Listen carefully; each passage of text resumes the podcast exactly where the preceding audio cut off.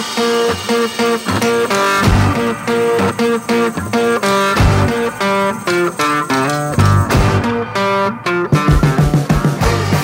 alle sammen, og velkommen tilbake til bakrommet. Eh, Dette blir andre episode om Rosenborg og eh, Alfred Johanssons eh, start på hans karriere. Vi, vi hadde en episode midt i desember, og da, da var han akkurat bekrefta som ny trener. Da tok vi en titt på eh, U19-laget til FCK, studerte dem, så hvordan de spilte, og begynte å tenke litt på hvordan det kunne se ut i Rosenborg. Og nå har vi kommet fram til eh, første serie, serierunde, er det ikke, første treningskamp, og det er en veldig stor forskjell. Eh, heldigvis ikke noe poeng som deles ut her. Eh, Anders, hva Ja, deilig å komme i gang. Jeg har gleda meg til den kampen her kjempelenge. Det Ja, tror jeg mange i og- Trondheim gjør òg. Ja, absolutt. Og jeg tror jo Jeg syns jo det her er en liten merkedag. Ja. 18.1.2024 er vel første kampen der Rosenborg har et slags moderne posisjonsspill og possession-orientert fotball à la det vi ser på den, de øverste arenaene. Og jeg syns i hvert fall det var noe annet enn det vi har eh, sett tidligere. Jeg vet ikke om du er enig der, Marius? Jo, jeg syns jo det er mange, mange positive ting å ta med seg allerede fra kampen her. Både i eh, struktur og utførelse, egentlig. Det er, eh, det er det inntrykket jeg sitter igjen med, med også. Jeg, tenk, jeg tenkte vi bare kunne få gjort unna litt sånn hvem som er, eh, har vært ute med skade, og, og lagoppstillingen de to omgangene. Eller jeg kan starte med første omgang, og så snakker vi litt, og så tar jeg lineupen i andre omgang etterpå. Ehm, fra vi prata sist, så har uh, Oskar Aga blitt solgt til Fredrikstad. Olaus Skarsheim solgt til CSKA Sofia. Han var jo en av de vi snakka litt om i forrige episode som mulig uh, indreløperkandidat. Og så, hvis ikke jeg husker feil, så er vel dette her en tidligere elev av deg, Pavel, Marius? Han er på vei til Nei. På, Nei, nå surrer jeg. Pavel Shrupalla. Det var et eller annet du snakka om, han hadde rå frisparkfot når vi så Rosenborg-Tromsø. Ja, ja, ja, vi har spilt mot han. han er, Spilt han mot han, var det, ja. Ja, ja, riktig, riktig. Ok, uansett, det var avsporing. Han er på vei til en polsk klubb, de prøver å fikse det nå, så det blir, noe, det blir nok ikke noe Rosenborgs A-lag på han i år. Eh, Noah Holm var tilbake fra skade, men der fant de noen problemer rett før avreise, så han, han er igjen i Spania, ikke klar. Eh, så har vi Sadiku, da. Han ble skadet på lån i start, har jo ikke akkurat vært et eh, til nå, i hvert fall. Vellykket signering, han er fortsatt ute. Emil Fredriksen er i Spania, eh, han nærmer seg. Leo Kornic ble skadet siste kamp, seriekamp mot Viking og er fortsatt ute en liten stund til. Så har vi Edvard Tagseth, som for øvrig er på utgående kontrakt. Han nærmer seg. Han trener litt av og på, tror jeg. Og så har vi Jonathan, Jonathan eh, Augustinsson, som er litt interessant, for han har jo vært i Rosenborg noen år, men han har vært skada hele tiden, egentlig. Men han er på utgående, men han trener godt nå, men var ikke klar til kamp. Eh, spiller vi kanskje komme innom etterpå, eh, med tanke på strukturen Rosenborg spiller i, spilte i dag. Og så har vi Adrian Pereira, da, som trener litt av og på treningene. Ikke full belastning på han, så han var ikke med i, i kampen i dag, men uh, får se om han blir med til neste uke. Og I første omgang så er det tidligere elev av deg som står i mål, Marius. Nå er jeg riktig. Det stemmer. Yes. Rasmus Sandberg i mål, og han kommer til å spille første serierunde mot Sandefjord. Vet du hvorfor, Marius? Ja, for det Sandvik Nei, han eh, Tangvik fikk vel et uh, rødt kort i siste seriekamp, gjorde det ikke det? Ja, riktig, riktig. Så han kommer til å spille den kampen, hvis ikke noe spesielt skjer.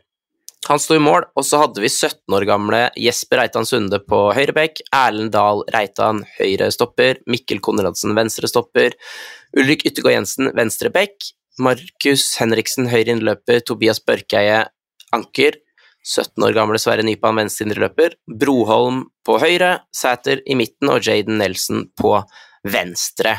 Eh, Dette er jo da bare en utgangsposisjon i 4-3, og så vil jo vi komme innom hvordan dette, dette ser ut. Og hva var det første dere tenkte når dere så ja, skal vi si, Rosenborgs første ballbesittelse, eller første sånn sekvens med ball i laget? Hva var liksom det første du tenkte, tenkte da, Marius? Jeg tenkte at det var eh, Det ligna i hvert fall allerede strukturelt på sånn som vi kanskje hadde tenkt, eh, og sånn Mm. som vi hadde sett for oss at det kom til å bli, basert på sånn eh, Johansson har spilt i FCK U19. Um, hvor de da skyver opp høyre bekken sin til å bli en slags kantspiller wingback. trekker innover uh, backrekka, sånn at uh, venstrebekken blir en venstre stopper isteden. Og Jaden Nelson får hele venstresida for seg selv til å eh, leke med motstandere, forhåpentligvis utover sesongen. Og så to dype i etablert når de frispiller, med to tiere hvor høyrekanten kommer inn som høyre tier, og Nypan er venstre tier. Og det var vel egentlig litt sånn som vi hadde sett for oss på forhånd og hadde tenkt at Alfred kom til å ønske seg at det skulle se ut. Ja, og da er vi inne på det med å få en spiller til på en måte inn sentralt i banen, og ha kun én rein breddehold på hver side. Og hvilke fordeler gir en sånn struktur, eh, Anders, når man skal bygge opp etablert angrepsspill, sett opp mot f.eks. Rosenborg i 4-3-3 under Svein Målen?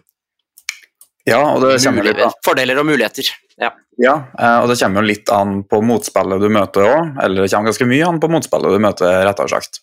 Og jeg tror egentlig ikke Johansson kunne ønska seg et bedre forsvarssystem å møte enn 4-2-3-1. Eh, særlig ikke av den arten han møtte i Las Palmas U19, som det er litt sånn eh, delvis aktivt 4-2-3-1-sonesystem. Ganske tradisjonelle greier. og det er jo der slike system offensivt, som det Johansson har, passer egentlig best. da. Han har jo en ganske symmetrisk og balansert struktur, hvis du ser over hele laget. Der spillerne er jevnt fordelt egentlig på begge sidene av banen. Eh, og ved at de er satt opp i en bakre trio pluss to dype, så har de òg en fin struktur for å kunne sirkulere fra side til side. Så du har egentlig ganske jevne muligheter for å kunne angripe på begge sidene og fine muligheter for å kunne vri den til begge sidene ganske kjapt og effektivt.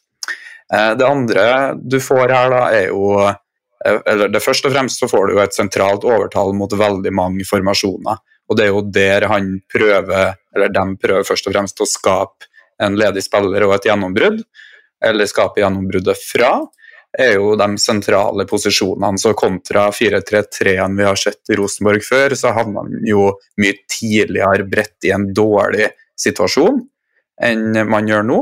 De spiller også bredt tidlig et par ganger i kampen her, men det er fordi at kantene til Las Palmas har måttet trekke så mye inn at pasningen rett ut på kanten er ledig, i stedet for at man må gå via en bred back, f.eks.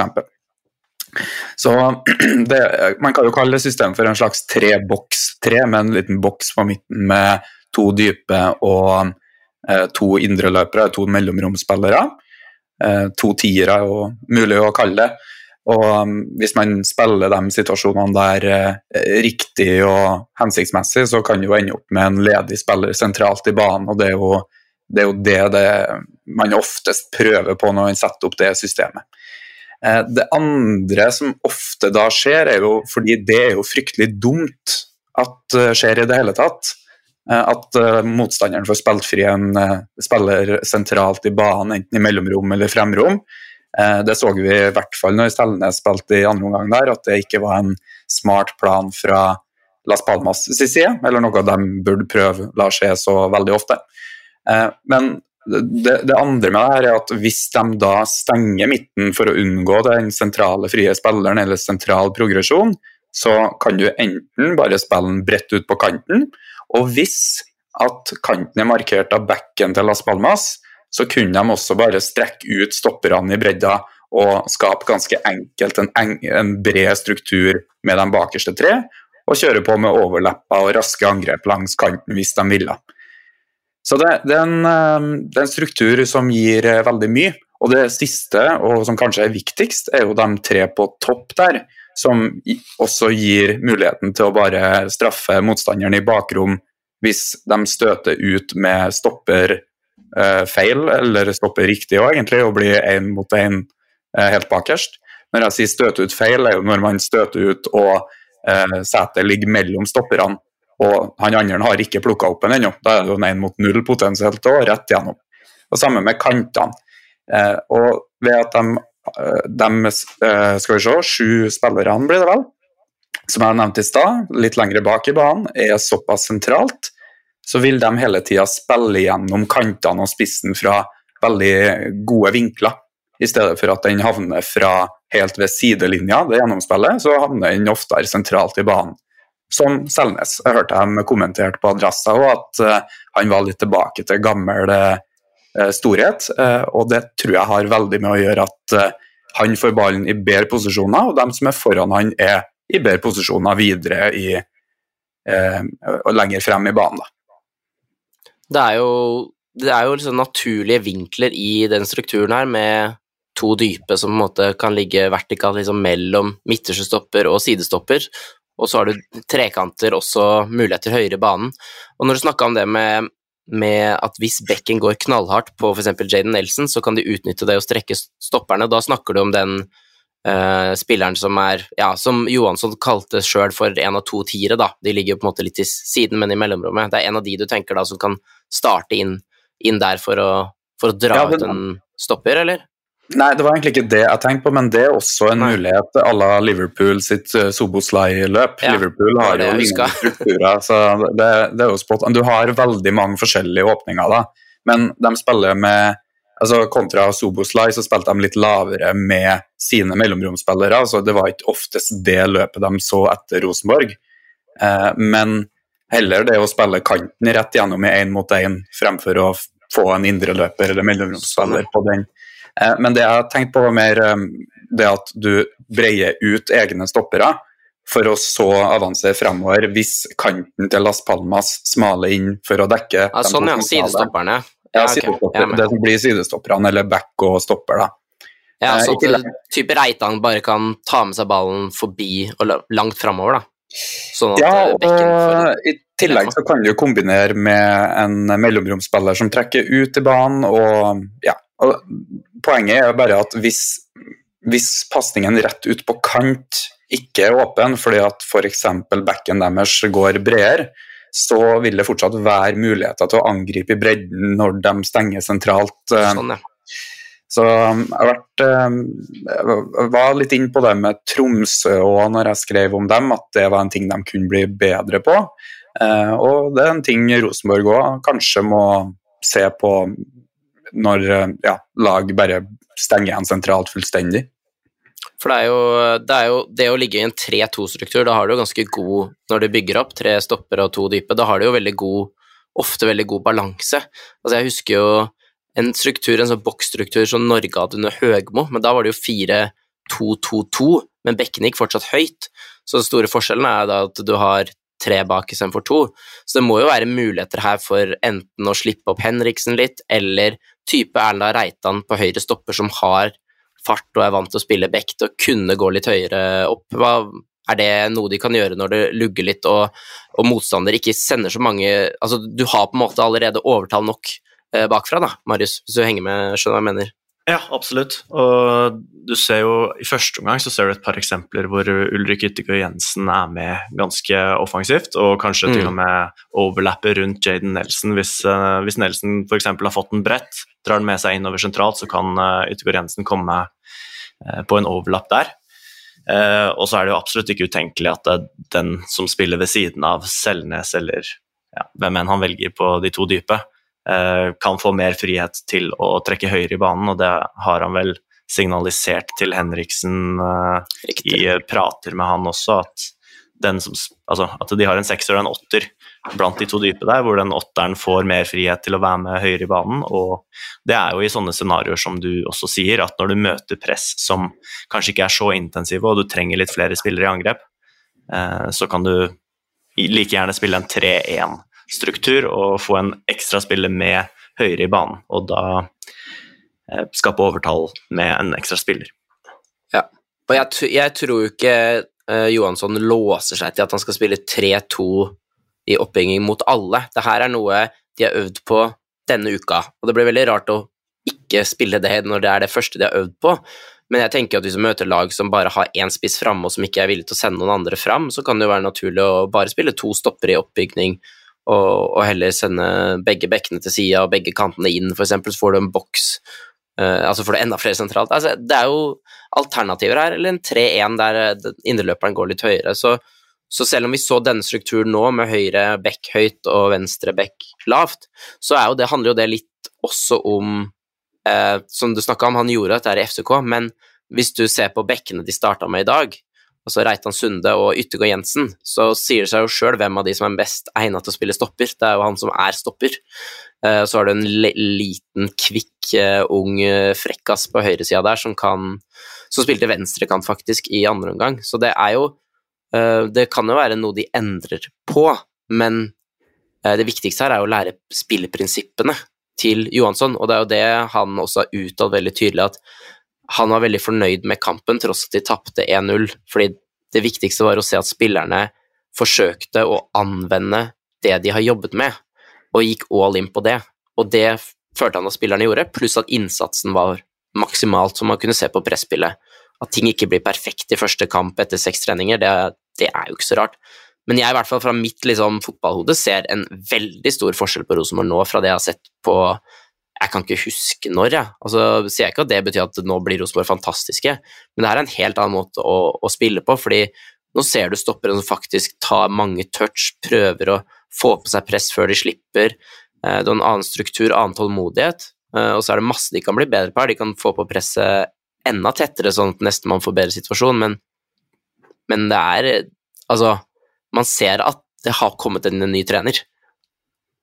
Det gjør vi, ikke sant, Anders? Altså, det er veldig tydelig stempel allerede nå, selv om man er kanskje på 60% av potensialet, så er det altså det de prøver på, det er veldig tydelig og samsvarer med det vi har sett av FCK U19 før, og spillprinsipper som dere kjenner til, og en fotball som vi har sett fungere veldig bra i, i andre toppklubber i Europa. Og ja. det er vel litt felles med Tromsø i en sånn 3-2-strukturoppbygging også, så det er jo på en måte det er noe likhetstrekk der også. Det er veldig mange som uh, bruker de strukturene der, uh, både nasjonalt og internasjonalt. Så, um, og det, det, er gode grunner til det som vi var litt uh, inne på i stad. Jeg syns jo også det her med rytmen i spillet, antall touch og sånn, det virker å være veldig godt innarbeida på kort tid. og Nesten det jeg er mest imponert over. At selv unge spillere bare rusher ikke inn i ei mølje av press, liksom. De er rolig på kula, hvis man kan si det sånn, og bare går fremover. Eh, springer ikke for, så fort, for hvis du springer for fort med ballen, så mister du lett oversikten, og det er vanskeligere å spille alle alternativene eh, hvis du skal føre ballen frem samtidig. Da. og et konkret eksempel der er jo som stopper, hvis du skal gjøre den klassiske føre på deg press med høy hastighet, eller passere ledd med ballen, så forsvinner jo den muligheten til å eh, slå langt på de tre fremste som jeg snakka om i stad. Det var det jo et par ganger de prøvde på, å bare spille kantene eller spissen rett igjennom. Og den er vanskeligere hvis du har eh, en eh, veldig høy hastighet når du dribler da, som stopper. Så jeg syns han skal ha masse skryt for å ha klart å innarbeide veldig mye på veldig kort tid. Og så må vi igjen ta den her med hvor lang tid trenger man egentlig på å ja, se fremgang på et fotballag og endring på et fotballag? Det, noen får det til fortere enn andre. altså. Ja, hva svarer du der, Marius? Du har jo tatt over, hatt to seniorlag du har tatt over. Hvordan, hvor kjapt så du Marius-preget? det er vanskelig å svare på. Nå, nå, sist, Man blir jo bedre og bedre for hvert år, så klart. Så eh, det gikk nok fortere nå sist enn det det gjorde den første gangen. Så jeg er veldig imponert over hvordan han har gått inn og bare gjort litt sånn som vi sa i forrige episode. og bare, Nei, vi bare gjør det akkurat sånn som jeg vil at det skal være, og så får det bare feile eller funke. Men da står du i hvert fall på ditt da, hele veien. Ja, det gjør han jo veldig tydelig. Så det er jo andre, kanskje supportere av andre lag, som ikke tror på Johansson når han står og smiler etter kampen og sier at han er veldig fornøyd med det han har sett, og eh, selvfølgelig håner dette her, men dere tror 100% på det han sier etter kampen, eller er det eller tror dere det er liksom mediaspill for å få liksom folk til å ikke begynne å snakke negativt allerede nå? Nei, det er jo mye bra fra den kampen her. Hvis du ser på den andre omgangen, f.eks., med en del av den nærheten de allerede tør å ta på seg før de spiller fra seg ballen. Hva mener du med det, Marius, bare for at alle henger med? Nærheten man tar på før man spiller gjennom? Nei, det er, det er jo en det er jo ikke lett å tørre å ta med seg ballen veldig nære motstanderens press, og tørre å spille under hardt press med motstandere som har foten 40 cm unna deg, men det er som regel i siste liten at de aller beste, beste løsningene åpenbarer seg, eh, og at motstanderen selger seg skikkelig. Eh, og det Jeg syns både Volden og Røsten gjorde en veldig god figur i andre omgangen der, med å tørre å vente på presset, og så eh, spille fri en stor Ole Selnes, som virkelig mestrer akkurat den delen der. Du ser han bare holder igjen, holder igjen helt til siste øyeblikk, og så kamuflerer han en pasning. Eh, enten en chip i bakrom, men eh, en pasning ingen andre ser, som han kamuflerer inn i mellomrom. Og ja, jeg må si at jeg, jeg, ble, jeg lot meg blende av uh, Selnes den kampen her, altså, og hva han kan få til i det offensive. Så, så, så er det fortsatt spørsmålstegn rundt det defensive aspektet for hans del, men hvis han skal bringe med seg det her offensivt hver gang, så er det vanskelig å utelate ham, i hvert fall. Og det er jo det du snakker om med å, å ta, få presset liksom 40 cm unna seg, det er jo gjerne vinger, og, uh, vinger i Norge.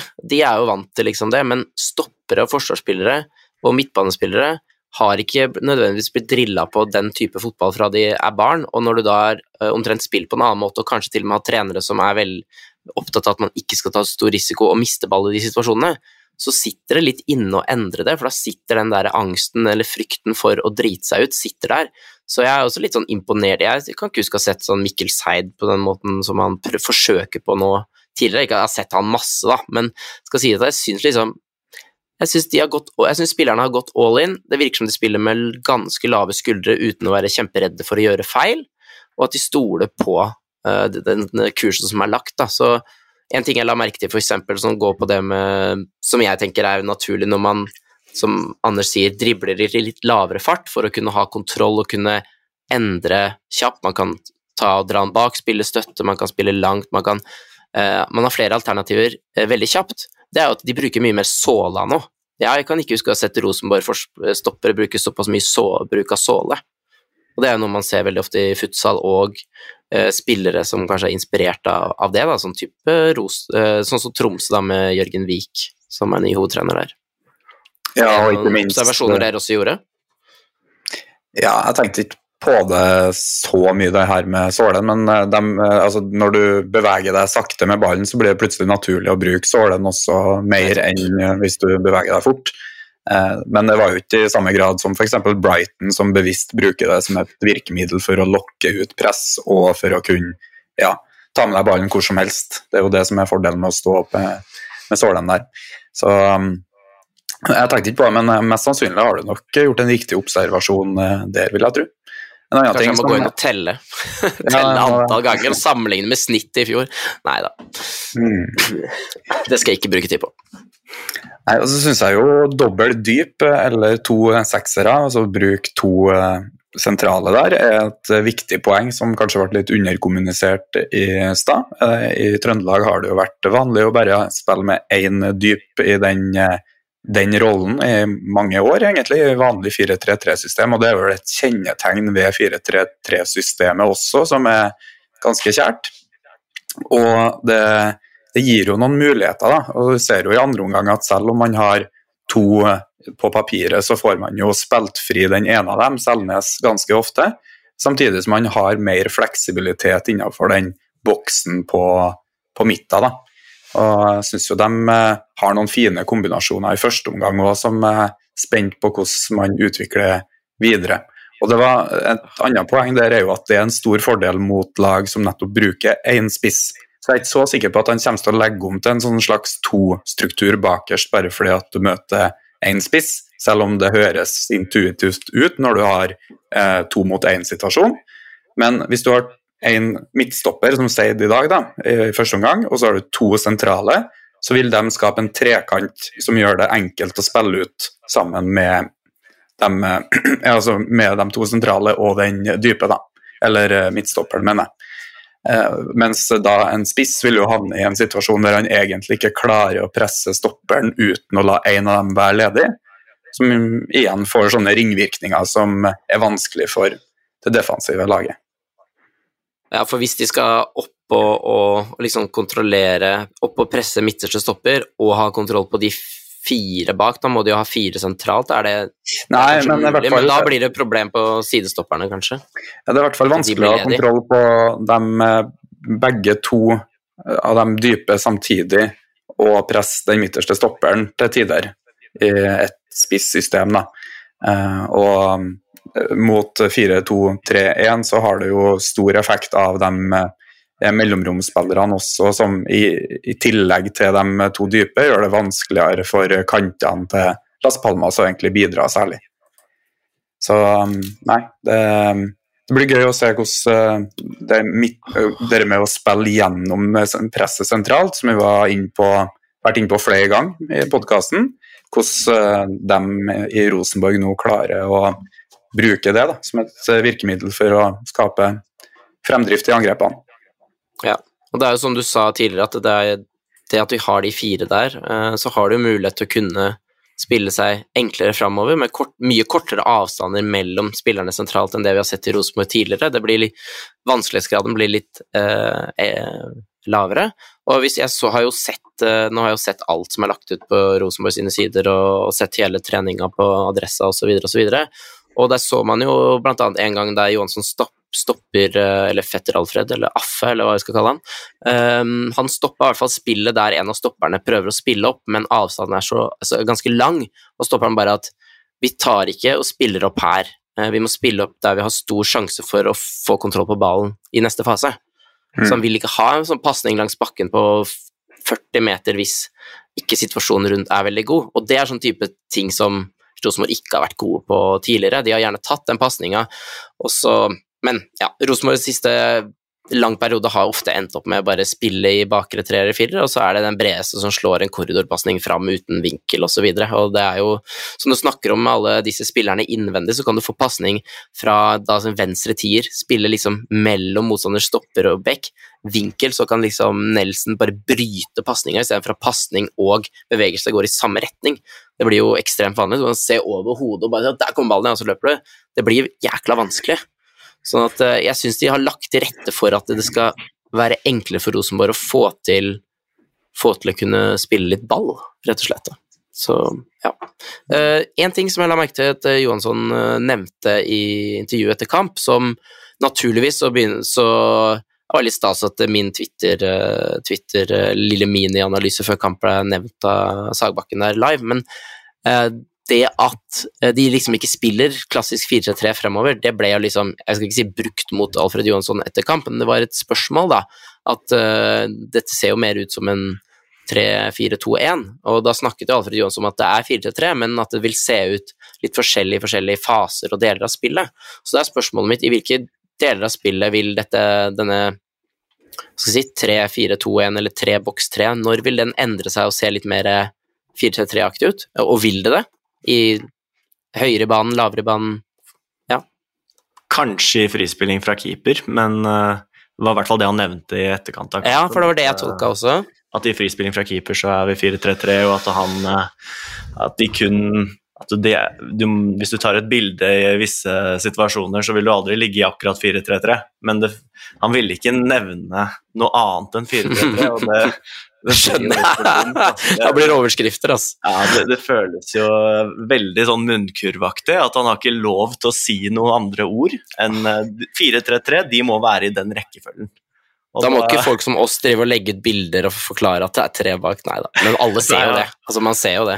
Ja, så det, det, det der må de, det må få slippe å ha munnkurv på. Ja, Han må få lov til å si at det er en eh, 3-2 eh, et eller annet, da. Selv om det Jeg tror jo på han når han sier at det, det er forskjellig fra situasjon til situasjon hva, hvordan vi kommer til å se ut. Um, det kommer jo sikkert til å se ut i en 3-1-5-1 eh, til visse tider, og, og mange forskjellige eh, strukturer, men at han ikke skal ha lov til å si at vi bygger i 3-4-3, det, blir- det blir for dumt for meg. Men eh, man, eh, defensivt så var det jo en eh, 4-3-3. Så eh, hvis du da har tatt over Rosenborg, og så skal du velge med, mellom eh, ulike formasjoner du kan kalle formasjonen din, og så er det 4-3-3 defensivt, så er det jo lur om du ikke det. Ikke begynner å kalle det 5-3-2 og si at eh, nei, vi har gjort det det samme som vi har holdt på med i Rosenborg mange år nå. Det er bare, meg. Ja. Men i den tweeten så skrev jeg at jeg tror Rosenborg kommer til å øve på å bygge opp angrepsspillet med to seksere og to tiere, slik som de gjorde på trening. Men når han sier at det, kanskje han mener at helt i starten av frispillinga, sånn fra femmeter, så vil det stemme fire. Hvor, hvor er, hva er forskjellen på oppbygning og fri, eh, frispilling? Altså, er det feil av meg å da si at de bygger opp angrepsspillet i en 3-2, hvis de da bare akkurat helt i starten er en Kall det 4-3-3, da. Nei, det vil jeg Marius. ikke si. Jeg vil, jeg vil jo si at du har Da har jeg på det helt rene. i At, det, at de bygger i en Det hva enn du sa, det, det er helt innafor å si, men at man kanskje Ja. frispiller fra keeper med fire bak, fordi det gjør de jo også.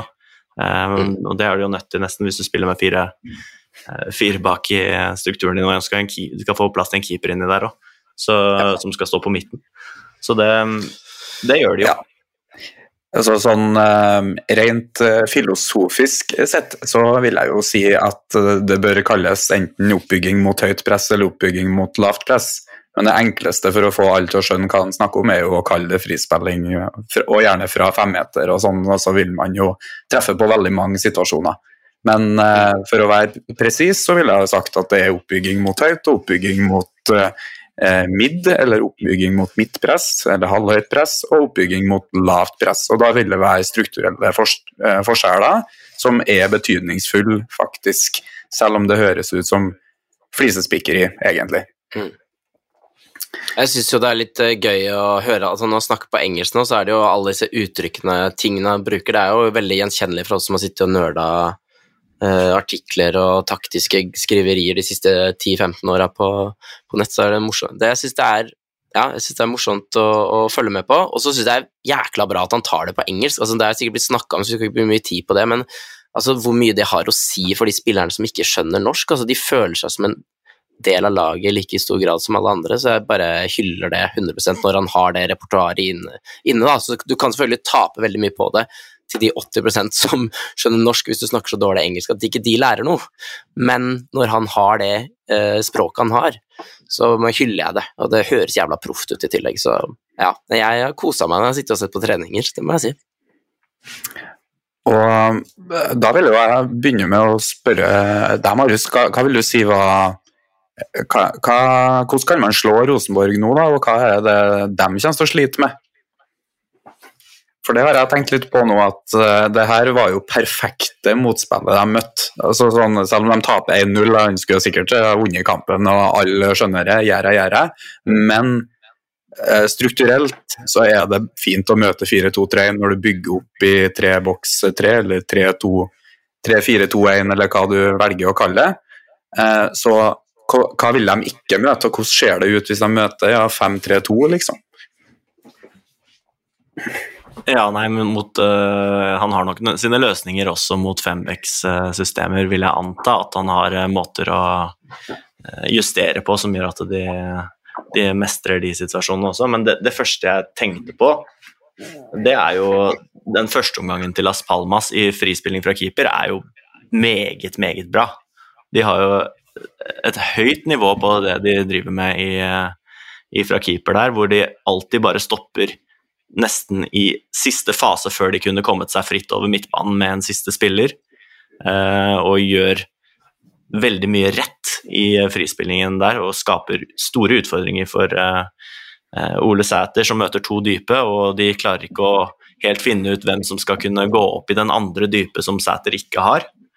Kommer seg fri derfra og til en bekk som regel, men så så misser de jo litt på kvalitet, annet enn på høyrebekken sin, da, hvor de spilte med, med sin faste høyrebekk fra A-laget til Las Palmas. Og det, det, kunne man jo se også, at han kunne gå av eh, motspilleren sin forholdsvis enkelt òg. Ja. Ja nei, eh, nå gikk vi vel litt vekk fra spørsmålet, men det er jo en interessant diskusjon vi havna inn på, da, for hva Rosenborg sleit med defensivt. Eh, det er jo òg noe folk eh, sikkert er litt nysgjerrige på. Eh, de møtte jo to dype, som du sier, og som du også sier, så er jo Sæter eh, i en posisjon da, der han ikke klarer å stenge begge, og kantene får ikke å gjøre alle oppgavene sine. Egentlig så har tre spillere til Rosenborg der veldig mange spillere å forholde seg til, med seks utespillere, to stoppere, to dype og kantene. som de egentlig skal være i posisjon til å presse på alle, eh, fra den grunnstrukturen de har på en femmeter, la oss si, eh, og keeperen, ikke minst. Og de velger jo et aggressivt eh, press, der de skal presse keeperen whenever possible. altså Når de har støttepasninger eller andre muligheter til å gå frem og presse, presse ballen, så gjør de det. Og da er det, det, ikke, det er ikke en optimal struktur de går i mot det de møter, egentlig. Så de blir jo spilt rett av et par ganger eh, fordi de velger å presse, og så er det veldig vanskelig da når du har så mange spillere å forholde deg til. Og så er det veldig vanskelig å strukturelt justere det og på en måte som ikke bare gjør en farligere spiller enda mer åpen. Så der eh, tror jeg nok jeg ville ha eh, helst sett at de ikke pressa keeperen når de er så i undertall. Eh, det er jo, som jeg tror jeg har vært inne på før, og en løsning hver gang du er undertall som én spiller. altså Individuell løsning er jo bare ikke presse når du er undertall, for da vil du jo la en farligere spiller bli åpen, som regel. Eh, de burde nok kanskje gjort det i større grad på femmetere, selv om jeg er glad for at de prøver å presse høyt. da, må jeg jo si. Eh, så Det er det ene med at de kunne ha eh, bare venta litt, kanskje og pressa fra innsida og ut. Vi ser noen lag gjøre det mot Brighton. Liverpool har gjort det mot Brighton sist, tror jeg det var, i en 4-3-1-2, altså som en diamantformasjon. Og så i stedet for at kantene stengte utsida, så stengte de innsida. Det kunne vært en idé for Rosenborg i det kampbildet der også. Det andre er jo å gjøre litt som City og Arsenal, tror jeg ganske Jeg er veldig sikker på City, så jeg tror jeg Arsenal har gjort det mye i det siste også. Jeg vet de har gjort det mye før, i hvert fall. Men også presse 4-4-2, rett og slett. Og ja, ofte da venter også på rett muligheten til å gå eh, med spiss eller kant hvis, eh, hvis det byr seg en mulighet til å gå på keeperen. Ja, det jeg så også, som var siste aksjon i første omgangen, som da også kan bety at det er noe eh, som, som ble ropt eh, ut på banen der på et eller annet tidspunkt, det var jo at Ole Sæter selv gikk på keeperen. Eh, fordi da går du fra en vinkel som stenger mer, eh, når du ender opp med at kanten din, som først har gått på en stopper, og så løper han videre på keeperen, så åpnes mye sentrale vinkler til, eh, til keeperen å kunne slå i. Eh, så siste som skjedde, var at eh, Ole Sæter gikk i press isteden, fra senter, og endte opp med en lang ball fra keeper. For første gang egentlig i løpet av kampen. Han hadde ikke slått en lang ball før det. Um, men det som også virka som kanskje var litt off med presset deres, var jo at, var jo at Nelson virka å, å, bli litt for bred i forhold til uh, det Broholm gjorde. Broholm justerte seg veldig godt inn uh, i forhold til det kampbildet her, og holdt en mye mer sentral posisjon og pressa fra innsida ut, sånn som du også nevner, Anders. Mens, uh, mens Nelson forholdt seg litt for mye, kanskje, da, til bekken sin, og dermed åpna opp en del sentrale kanaler.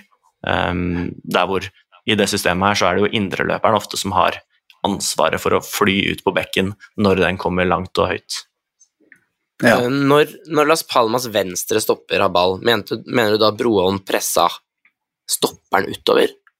Ja, at han presser ham fra en okay. mer sentral vinkel enn at han skal okay. skjære av Ja, ganske rett på. Det er ganske normalt i et sånt her 4-3-3-system å skulle skjære av ja, ja. Uh, ja. Men det gjør det også veldig vanskelig for indreløperen å vite hvilke vinkler han skal kunne gå i. Da må han ofte ligge sentralt, uh, og da blir bekken helt fri. Så hvis man klarer å kombinere seg fri til bekken, så er det vanskelig å, å forsvare han. Mens hvis du heller presser fra sentrale vinkler, lar bekken være åpen, så er det lett for indreløperen å vite hvor han skal, hvor han skal presse i neste fase. Ja. Eh, og der må du jo ha litt honnør, da, indreløperne til Rosenborg, som jeg syns pressa i veldig gode vinkler når de Eh, hadde oppgave med å presse. Eh, det, og hvor, hvilken man, vinkel var det, da? Er det var presse de utover? Man har sett på, på, trening, jeg har hørt et par eh, ganger han har ropt også og, og stoppa spillet og vist hvilke vinkler du, han vil at du skal presse fra, og sørge for at eh, han veit at i det systemet her, en sånn 4-3-1-2 om du vil, eh, en veldig smal 4-3-3, så er det helt eh, åpent på motsatt side. Så hvis motstanderen klarer å drible deg innover og vende, så er det helt døden. Eh, og det virka han veldig bevisst på med indreløperne sine, at eh, når den bekken får ballen, så er det ikke om å gjøre å stenge veien hans eh, fremover eller på utsida. Det handler om å stenge veien innover, sånn at den, det verste som kan skje når vi har mange folk her, det er at ballen går til andre sida. Ja. Da kan de beholde den fordelen med å ha skjøvet liksom laget over og, og forbli kompakte. At motstanderen har en, kanskje to spillere utafor strukturen på motsatt side, blir ikke relevant hvis så lenge presset er uh, De kommer tett nok Ja, presset er godt nok, og at man tar ut uh, pasningsalternativer og vinkler til å vende opp den veien som gjør at man får vendt. på en måte da. Så det, men det, det her er jo Så det er jo en 4-3-3, ganske smal Eh, trio på topp, der Sæter legger seg på den dype, og, eh, og, kantene er smalere enn man gjerne ser i et klassisk 4-3-3-lag fra tidligere i Norge, og, og, de er klare til å presse på stopperne. Og så ser man da at den trioen på midten, den er ikke i en sånn anker to indreløpere, den er ganske flat.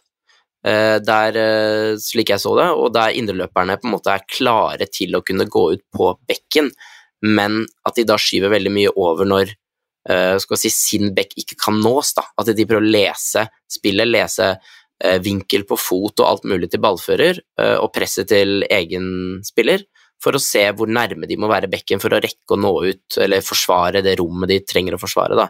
Så det, det ligner jo litt på, på, det vi har sett med Hornelandsbrannen i år med Finne som tar ut anker, og det er i hvert fall det jeg tenker. Det er det første jeg tenker, at det ligner veldig på det. Og, mm. og for de som har sett mye Eliteserien, så det presset til Brann i år, det var jækla bra. Eller i år, i fjor, faktisk. Nå er det 2024.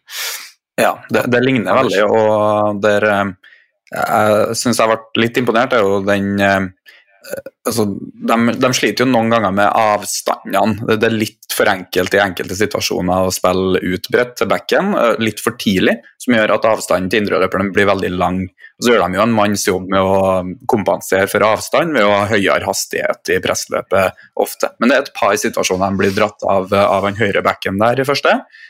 Eh, som de må antagelig se litt på etter hvert. Dette blir enda vanskeligere på kunstgress, skal jeg love deg. Eh, det, det jeg liker med det pressystemet her, er jo det at de har visse eh, plasser på banen der de er veldig aggressive og sånn eh, ganske konsekvente presstriggere. Vi har vært inne på det før, med at det kan være en fordel å ha noe som ikke er avhengig av veldig subjektive vurderinger. men er de bredt, altså spiller de på utsida av kanten, så går du, kjære indreløper. Og det syns jeg de var flink til, og veldig lojal mot det. Og du, det er jo et uh, bra defensivt system med, med, at man både stenger midten og får pressa ballen. og ja, det, det, er mye å ta med seg, rett og slett. Og så er jo spillvending en annen ting som de kan få slite med etter hvert, uh, som Marius var inne på. Er det noe mer i forhold til forsvarsspillet vi eh, snakker om? For jeg tenker at etter hvert skal vi Nå vi vi har ikke holdt på superlenge, men jo, vi har holdt på litt, altså 43 minutter. At vi skal zoome litt inn på Jeg vil gjerne høre litt hva dere tenker om enkeltspillere, og hvordan de forskjellige spillerne passer inn, hvem dere syns uh, så, så, bra ut, osv. Snakke, litt, snakke litt om det. Og så tenkte jeg det jeg skulle ta, det var jo å ta lagoppstillinga andre omgang. Det har jeg ikke gjort, så det kan vi ta med en gang. fordi det var vel Skal jeg bare få opp den meldinga vi fikk her? Det var fra Uh, nei, det var faktisk ikke melding vi fikk, det så jeg bare en kommentar. Det var vel uh, Peder Sjøbakk Lund som skrev at han syns Rosenborg så veldig likt ut i første og andre omgang. Og det er jo et tegn på at det her er spillere som alle sammen forsøker å anvende de prinsippene de har jobba med. For ofte i sånn kjempe første treningskamp og man bytter 80% av laget til pause, så blir det veldig fort annerledes. Er det tenker at det er mye pga. motspillet til Las Palmas at Rosenborg som hadde masse ball, rett og slett at de at det virker som alle 22 har liksom forstått altså, det, grove trekk spillestilen, da. Nei, det er det siste du sier der, først og fremst. At de har, det er jo ikke sånn at de bare pælmer ballen fremover lenger og håper på det beste, som de har gjort på sitt aller verste de siste ti årene noen gang. At det uh, virker veldig tilfeldig hva man gjør i angrepsspill. Her er det jo to, som Peder sier, så er det jo uh, to lag, to forskjellige lag som spiller på nøyaktig samme måte og etter seks treninger og sånt. Så det er jo helt uh, utvilsomt et, utvilsomt et sunnhetstegn. Og det er, det er spillestilen og eh, Rosenborg sitt angrepsspill som gjør at kampbildet blir som det blir. Det er ikke bare at de er heldige med strukturen på det defensive eller på motspillet. Det var på ingen måte det jeg mente å si deres da, men uh, de har uh, de gjør seg fortjent til å spille den kampen de får, ved at de uh, er tålmodige i oppbygginga og går fremover på riktige situasjonene. Kaster ikke bort ballen, som vi slakta United for å gjøre i juleepisoden, Marius. Men de bygger kontrollert og tålmodig og kommer seg opp som et lag, kan vinne igjen som et lag og bite seg fast på motstanderens halvdel. Så det, det er Rosenborgs fortjeneste. Jepp. Bra.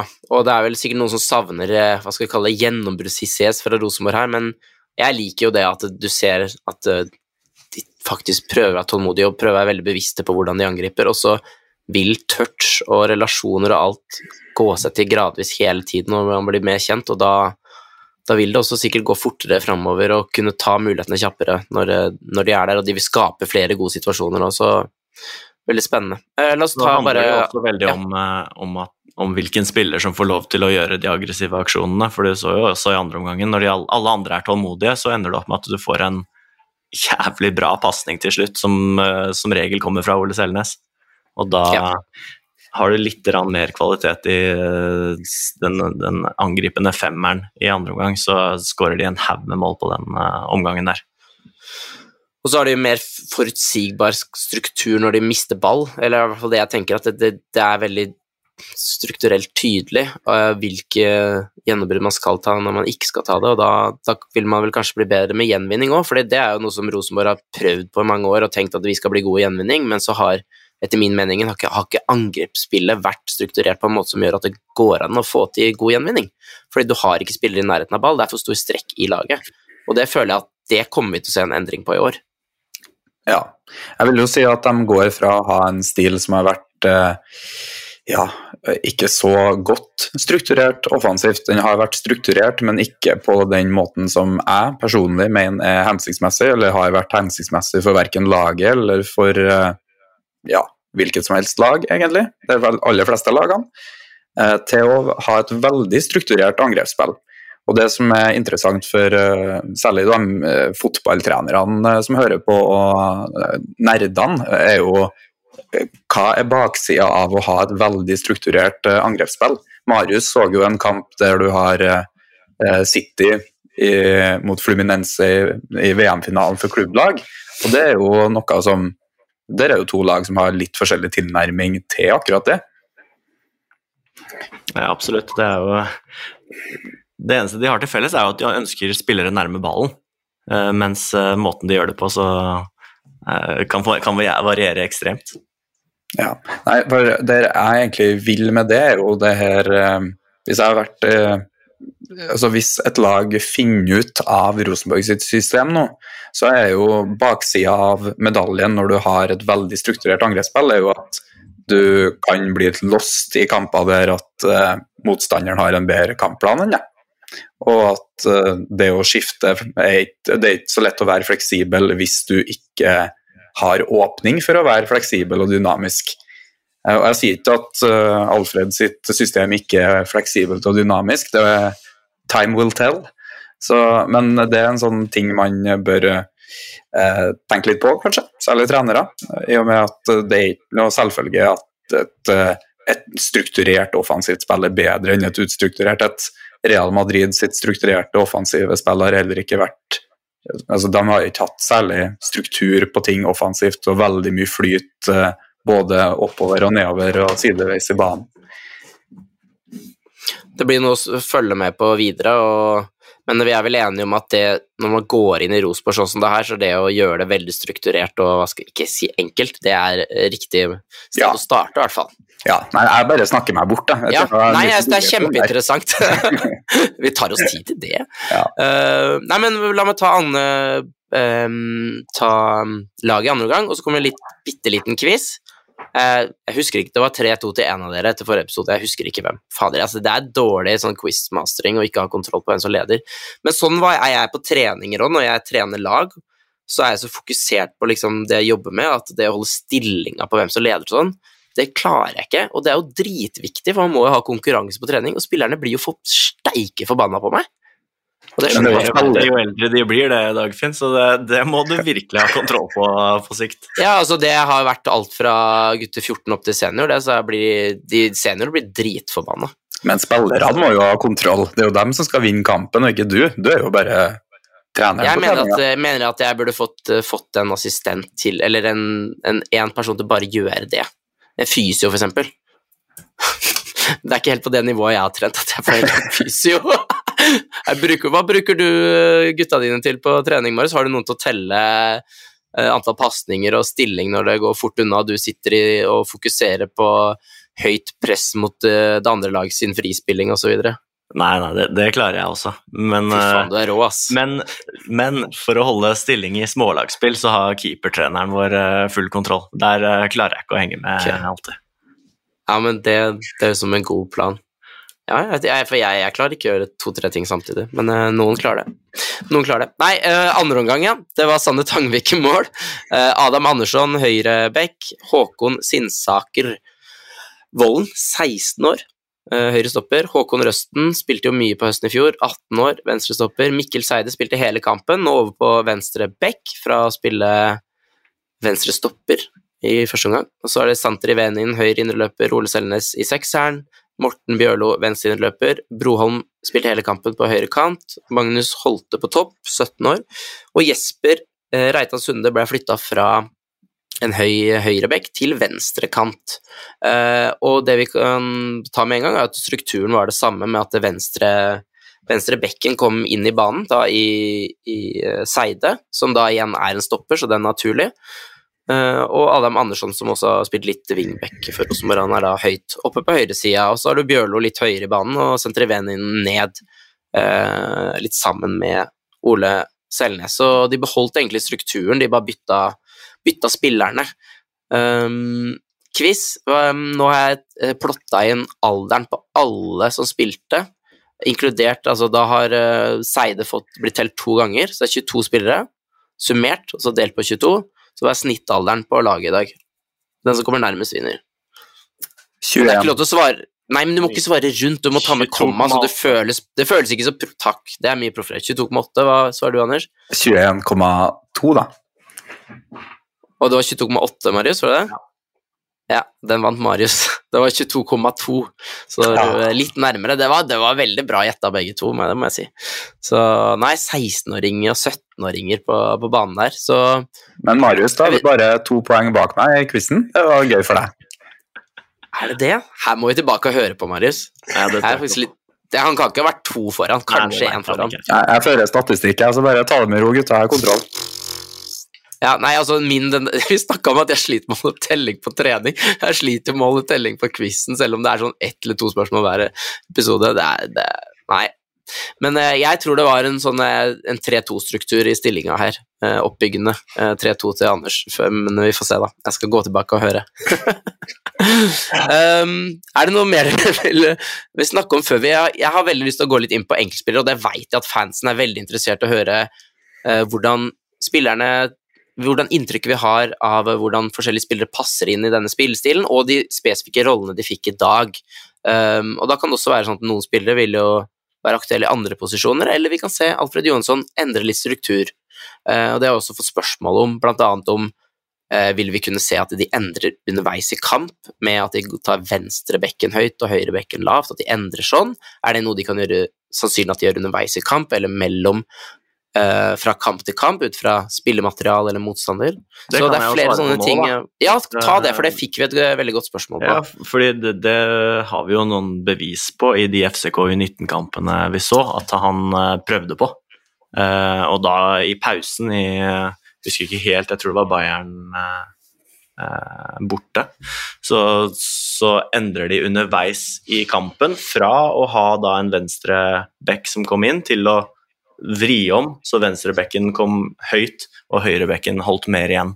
Eh, og det handler jo hvil- om hvilke profiler du har til, tilgjengelig. Hvis du ender opp med å ikke ha Nelson tilgjengelig i en kamp, så vil jeg anta at det kommer til å snus på flekken. Eh, det er vel ikke så mange andre venstre kantprofiler der ute i eh, RBK-troppen at de kan holde på akkurat den strukturen da. Da regner jeg med at det, at det heller Snus. bør snus, og Fredriksen legger seg bredt ute på, på høyre. Det, Det vil jeg tro er absolutt et tilfelle av eh, Alfred Johansson, at han, han kan endre på det der. Ja, det tror jeg òg. Og vi, vi snakka jo om det i første episode om Rosenborg i desember, at uh, da drev vi og snakka om nettopp dette, at uh, vi gjerne ser Tror at det blir én bekk høyt, én lavt, én kant bredt og én inn i en sånn half halfspace mellomrom-rolle, sånn ekstra tier. Eh, og da drev vi og spekulerte litt i hva som passer til Rosenborg. Og da snakka vi nettopp om det at eh, Rosenborg, sånn som vi så laget, passa kanskje best til å sende venstrebekken høyt og høyrebekken lavt, altså type Reitan i en høyre stopperrolle, som han faktisk hadde i dag, eh, i angrepsspillet altså, men at vi da, i hvert fall jeg, mente at jeg vil heller ha Nelson bredt eh, og én mot én, enn jeg vil ha og så heller ha Fredriksen på høyre som kommer inn, for jeg vil heller ha Fredriksen i disse trange rommene sentralt med 360 grader, enn jeg vil gjøre det med Nelson, som bare kan bruke farta og stikke av gårde. Så, men det vi så nå, er at de kjørte inn 17 år gamle Jesper uh, Reitan Sunde, som omtrent ikke har spilt for Rosenborg før. Eh, og Pereira er jo ikke klar, så det er på en måte den eh, Det vi tenkte med at han passer jo helt klart best til å ligge høyt.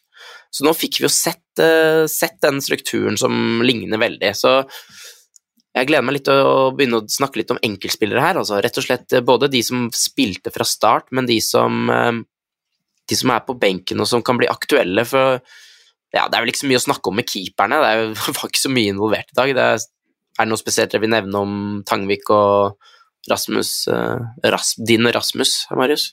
Nei, han fikk jo en, eh, en monster av et langskudd imot seg som jeg ikke vil tro eh, spesielt mange keepere redder. Uh, annet enn det så var det vel ingen eh, spesielle involveringer som gikk uh, verken kjempebra eller kjempedårlig. Det var lite å gjøre bak der. Um, for for Tangvik så var det vel én frispilling som gikk skeis, at- som han slår utover linja, litt upressa, men ellers ikke noe å snakke om. Begge får godkjent. Ja. Og hvis vi ser på høyresiden i forsvar, da, så høyre stopper, høyre back, så har vi da Erlendal Reitan, som starta høyre stopper. Uh, Reitan Sunde høyre back, høyt. Så Adam Andersson høyre back, og Håkon Singsak, Singsaker Vollen. Så har vi da i tillegg uh, Leo Kornic, som ble skada, som da er høyre back. Uh, vi har Pereira, og grunnen til at jeg nevner Pereira selv om vi er på høyresiden nå, er jo en eh, artig idé som en av dere hadde vi, i chatten vår. Uh, kan ikke Var det deg, Marius? Kan ikke du Ja, I dette det? tilfellet, men eh, vi har vel sikkert vært inne på det tidligere også. Ja. ja, fordi snak vi snakka om hva gjør man med Pereira da. Han kan, kan han spille en sånn venstre stopperrolle offensivt? Jeg syns det virker Det kan hende, for all del, det, men det virker for meg litt rart når han har den innleggsfoten høyt i banen og har helt klart Han har bra skuddfot og kan skyte med begge bein. Eh, Ja, det- det men da lufta du tanken Du lufta tanken med å kjøre han i den høyre bekkerollen, altså en venstrebeint høyrebekk, som da spiller omtrent høyre ving i etablert angrep.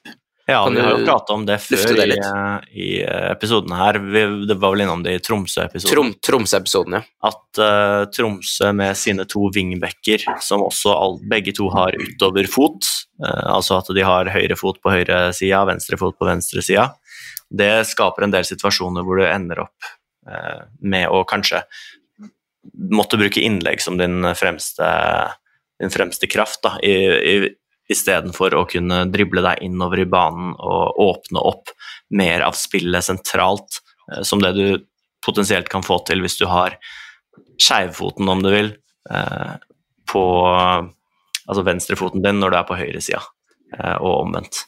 Så ideen der er jo at eh, sånn som kantspillerne spiller i, i moderne fotball, så er det veldig ofte at du, du legger en venstrefota på høyresiden, og når du skal spille med bekken din like høyt som en kant, så, så kan du like gjerne bruke det samme konseptet akkurat der.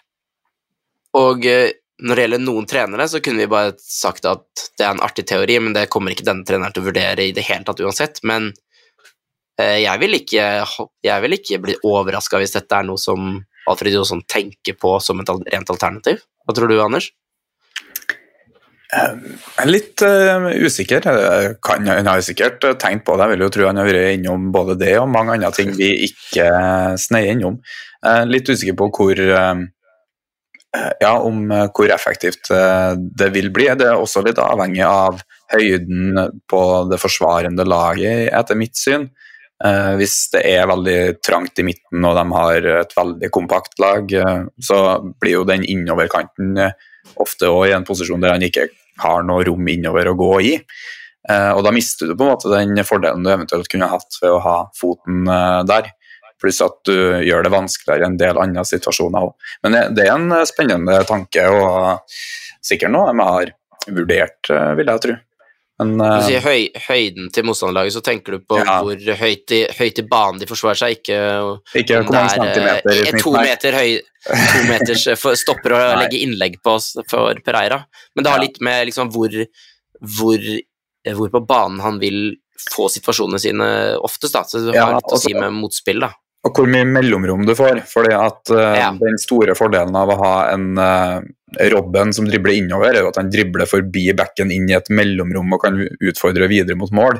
Hvis det ikke er noe mellomrom mm. fordi at den, det midtbaneleddet også ligger bare rett innafor bekken, så er det jo ja. veldig lite utbytte å få der, eller veldig vanskelig å få noe ut av det.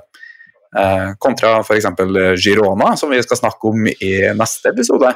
Som ofte spiller like en struktur, men som har eh, utoverfot på begge sidene med ekstremferdigheter der, da, må sies. Og bare lar dem passere eller kjøre på en mot en og legge inn.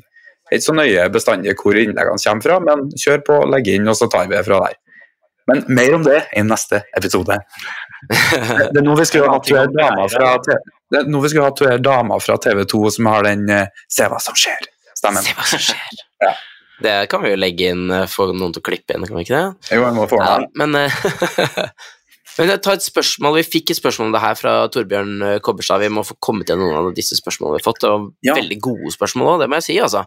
Um, hvor plasserer dere Pereira i systemet RBK eh, presenterer i dag? Kan vi se han i en Trent Alexander-rolle når Nelson spiller, eller at systemet snus og høyrebekk holder igjen? Det er jo litt det vi var inne på. Hva, hva, hvor passer han best, eh, Marius? Eh, hvor han passer best, det er nok sannsynligvis ut bredt på venstre, men når, når Nelson allerede ser ut til å skulle okkupere den posisjonen, noe de helt sikkert med rette også gjør, så må man kanskje lete etter en eh, annen mulighet for eh, akkurat Pereira. Um, det jeg ser som en mulighet for han, det har vi vel kanskje vært innom forrige episode, det også, men det er jo å gjøre, gjøre, på samme måte som Udogi i Tottenham, som da trekker opp i venstre indreløperposisjon. Da måtte du i så fall plassert Nypan på andre siden som indreløper, men, men det finnes absolutt muligheter for å vri om på midtbanetrioen isteden. Og ligge med en bred høyrekant på høyresiden. siden. så du da bare bruker én back opp, men inn i mellomrom isteden. Ja. jeg husker dere om vi har sett det i FCK? Ja, beklager, men har dere sett det i FCK, eller var det de kampene dere så der, eller var det Det var tre smale Altså én inn og så bredt, bredt på bekken, det var ikke noe inn i mellomrom der? Eller inn i, inn i banen høyere enn i forsvarstreeren. Nei. Og det hadde blitt for mye av det gode òg, tror jeg. For de har jo òg en spiss som dropper ned. Det gjør jo også Ole Vi har ikke snakka mye om Ole Sæter offensivt i dag, men han eh, er jo en de ser etter ganske ofte, særlig første omgang. Eller eh, spissen til Rosenborg. Og eh, der dropper jo han òg ned. Så hvis du i tillegg skal ha bekken inn der, så er det jo veldig Ja, det er smør på flesk. Og eh, en det jeg prøvde å si i stad, var Edvard Tagseth derimot kunne vel kanskje ja. vært en uh, person som har passa bedre til en sånn type rolle. Eh, nå får Rosenborg-supporterne korrigere meg hvis jeg tar feil, men Pereira er vel litt mer en Pep Guardiola kalte vel en kaosspiller som kan vippe ting i mm. din favør og som bare er veldig god i én-mot-én-situasjoner og slikt. Eh, Ribberi og Robben var jo hans sine kaosspillere. Jeg tror det er fra den boka om jeg tror det er den Marti Pernau skrev fra eh, Bayern-tida. Veldig fin bok. Eh, mens de andre, andre typen spillere har vel controllers, og der er vel eh, Tagseth mer i den kategorien, og det er jo dem du vil ha inn i en Trent-rolle eller i en inverted fullback-rolle. Mulig jeg bommer på noe begrep og sånt her, men, eh, og det kan jeg tar feil. og Det er lenge siden jeg har sett han spille veldig mye. Nei, jeg tenker jo at de er forskjellige. altså Hvis jeg skulle hatt Pereira inn, så ville jeg hatt den høyere banen, sånn som Joakim Soltvedt spilte i, i Sarpsborg. At han ligger i, i altså venstre altså hav, venstre havspace, mellomrom, rom to. Kjært barn, mange navn. Ja. Uh, ligge der, da, i en veldig offensiv rolle bak motstanderens uh, midtbanefirer, og rett og slett være en målpoengspiller uh, derfra med direkte både stikker og innlegg og, og skudd. Mens Tagseth ville jeg jo heller da hatt inn og kanskje bli en dobbel sekser med sekseren, og så må den andre innløperen heller gå litt høyere opp, da. Altså, så de er jo forskjellige profiler. Så Tageseth er jo har blitt kjørt på indreløperen på trening nå denne uka her, slik jeg har sett og lest. Så får vi se hva, hva som skjer der, men han har jo da avslått uh, kontraktstilbud tre ganger og kontrakt som går ut, så det blir spennende å se. Men han er vel også et alternativ i den uh, Henriksen-aktige rollen, der det spiller en uh, indreløper, men som dropper litt ned. Der kan han passe tenker jeg. Ja, og der får du jo igjen uh, litt eh, frekvens i beina à la Skarsheim, eller eh, hva, hva, tenker du om det, Marius? Ja, det gjør det vel, men Venenen har jo spilt seg på ingen måte ut av laget med sin prestasjon i dag, så der eh, nå, nå, er det nok å ta av da, i akkurat de to dype rollene, så jeg vet ikke om du må finne plass til mm, hvis, hvis det i det hele tatt er aktuelt. Jeg tror det blir vanskelig for han, altså. å Spille seg inn. Vi får, vi får se. Men nei, jeg syns Santri Venen der er høyre inn rollen. Den rollen passer jo egentlig han perfekt, fordi for meg er ikke han i 4-3-3 uh, eh, for et lag som skal ha ball, god nok uh, spillfyrer, playmaker, i den dype rollen til å være aleine sekser. Jeg syns ikke på en måte han er god nok i trange rom der han må liksom forholde seg til 360 grader i type mellomrom, som en rein sånn indreløper eller dobbelttier. Så for han å spille en sånn der hybrid eh, åtter-sekser der han kommer litt ned og, og igjen kan bruke løpskapasiteten sin til å være med opp når de kommer lenger fram i banen, sånn som Johansson og Henriksen snakka om for hans rolle, det, det høres ut som passer han bra, men han kan ikke ha hovedansvaret for altså det etablerte angrepsspillet. Eh, så jeg syns det var ganske lovende. For han også er jo kjent, i hvert fall sånn som jeg husker det har sett, en spiller som har bra frekvens og er en type ballvinner på sitt beste. da. I hvert fall det jeg så da jeg titta på han i, i, i, eh, i, Finland før jeg skulle sette pris på han i Fancy i fjor. det var ikke denne målpoengspiller, så han ble ikke så dyr. Nei, sant. Men han også passer jo en sånn rolle, i teorien. Ja, det veldig, veldig godt inni den rollen. Eh, han eh, Pereira, som det var spørsmål om her, har, har, har noen av dere sett han på høyre kant og i høyre mellomrom? Han er jo venstrebeint, brukbar med ballen. Kunne det vært en rolle han kunne ha bekledd? Jeg har ikke sett noe av ham til å kunne mene seg om det. Men du, han har jo et bra skuddbein, og det er jo ikke dumt å ha litt gjennom, gjennombruddskraft i mellomrom heller ofte. Men jeg liker den der at han kan svinge inn fra venstre. altså De innleggene hans er eh, potensielt kjempebra hvis du har noe bevegelse inn på bakre f.eks. Og han kan jo slå dem fra litt dypere posisjon, type halfspace, og det er jo kan, Du har jo sett en del lag eh, utnytte seg gode Altså, ja, alle, ja, Kevin De Bruyne er vel eh, supereksempelet der, på en som bare det er bare å gi han ballen der, og så er det bare å løpe, og så får du den så vi jo med Oscar Bob. Så det var vel kanskje ikke halfspace engang, det var jo så sentralt at uh, ja, ikke så mange som gjør det etter han, men altså, Pereira har en sånn enorm fot, da, at, og han kan finne på kreative løsninger og sånn, så, men han spiller med høy risiko. Uh, det å putte liksom han i bånd, det tror jeg er vanskelig, altså. Jeg tror ikke man skal nesten prøve å gjøre heller, men du må få litt struktur på han, sånn at motspillerne veit hva de skal forholde seg til. Så vel, det er ikke sikkert han klarer å spille seg inn i det laget her, altså. Så hvis vi, hvis vi tar med hele forsvarsfireren der, så, så har vi jo Ulrik Yttergård Jensen der, som er en midtstopper, som man kan se i dag fungerer greit i en sånn venstre stopper, men jeg merker at når de møter bedre lag i Eliteserien, hvis han skal liksom bli satt opp én mot én mot høyrekanter, det sliter jeg med å se at det er en god langsiktig løsning. Altså, jeg er litt bekymra for, for, den, om det kan liksom være en langsiktig løsning, at han skal spille venstre back i 4-3-3 forsvar offensivt så kan det fungere kjempebra som venstre stopper, men ja, for å dra inn venstresida her og hele forsvaret, og, og hva Rosenborg kan ha mulighet til å gjøre. Er det helt, Er eh, helt uh, must å skulle ha en venstrefota på den venstre venstrestopperen? Tror dere uh, høyrebeint på Alfred høyrebeint. Her må jeg ha en venstrebeint en? Nei, du så jo Seide i andre omgang der, da, og hvordan, liksom, om hvordan det ble forskjell, så jeg vet ikke, hva tenker dere liksom at begge på venstresida er høyrebeint? Altså, da har du jo har du Nypan, er, han er ganske tofota, og så har du da Nelson som er høyrebeint, og så venstre stopper som høyrebeint. Jeg vet ikke, hva tenker du, Anders? Jeg kunne i hvert fall kanskje tenkt meg å bruke Hvem ville du hatt der, da? Dahl Reitan. Erlendal Reitan. Oh, Og så Ja. kunne man brukt to mer tradisjonelle stoppere på de to andre posisjonene, og kanskje da fyrt opp Kornik på høyre vingbekken eller noe sånt. Det Spennende med Reitan venstre. Han kunne jo helt fint ha håndtert det. Han har jo spilt faktisk en del venstrebekk opp tidligere i karrieren også. Det er, en veldig, det er en interessant tanke. Det som er fordelen med å ha han på en sånn høyre sidestopperposisjon igjen, vil jo være det samme som vi fikk se fra Yttergård Jensen i dag igjen, da. med at eh, han kunne overleppe når eh, muligheten eh, bøyer seg. Det vil jo ikke Dahl Reitan kunne gjøre på venstresida, i hvert fall ikke med samme effekten. Nei. Må ha Pereira i den der venstre indreløperlomma, så har du venstrebeint der, som kan brette ut. Nei da. Er spennende alternativer, altså. Og vi har jo fått spørsmål om dette med Reitan. Ehm, hvilke, altså, hvor ser vi for at han passer best?